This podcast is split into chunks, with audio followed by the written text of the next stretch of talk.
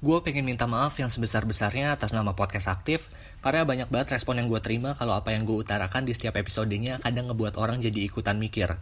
Ini adalah episode terakhir dari sesi suara untuk Ramadan. Terima kasih buat teman-teman yang baru dengerin atau yang udah dari tahun kemarin. Gue pamit undur diri.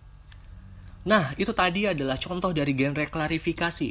Di tahun 2019 ada genre baru di YouTube, namanya klarifikasi. Nggak berselang lama, cuman butuh waktu satu tahun, genre baru ini bertebaran di hampir semua sosial media, termasuk Instagram.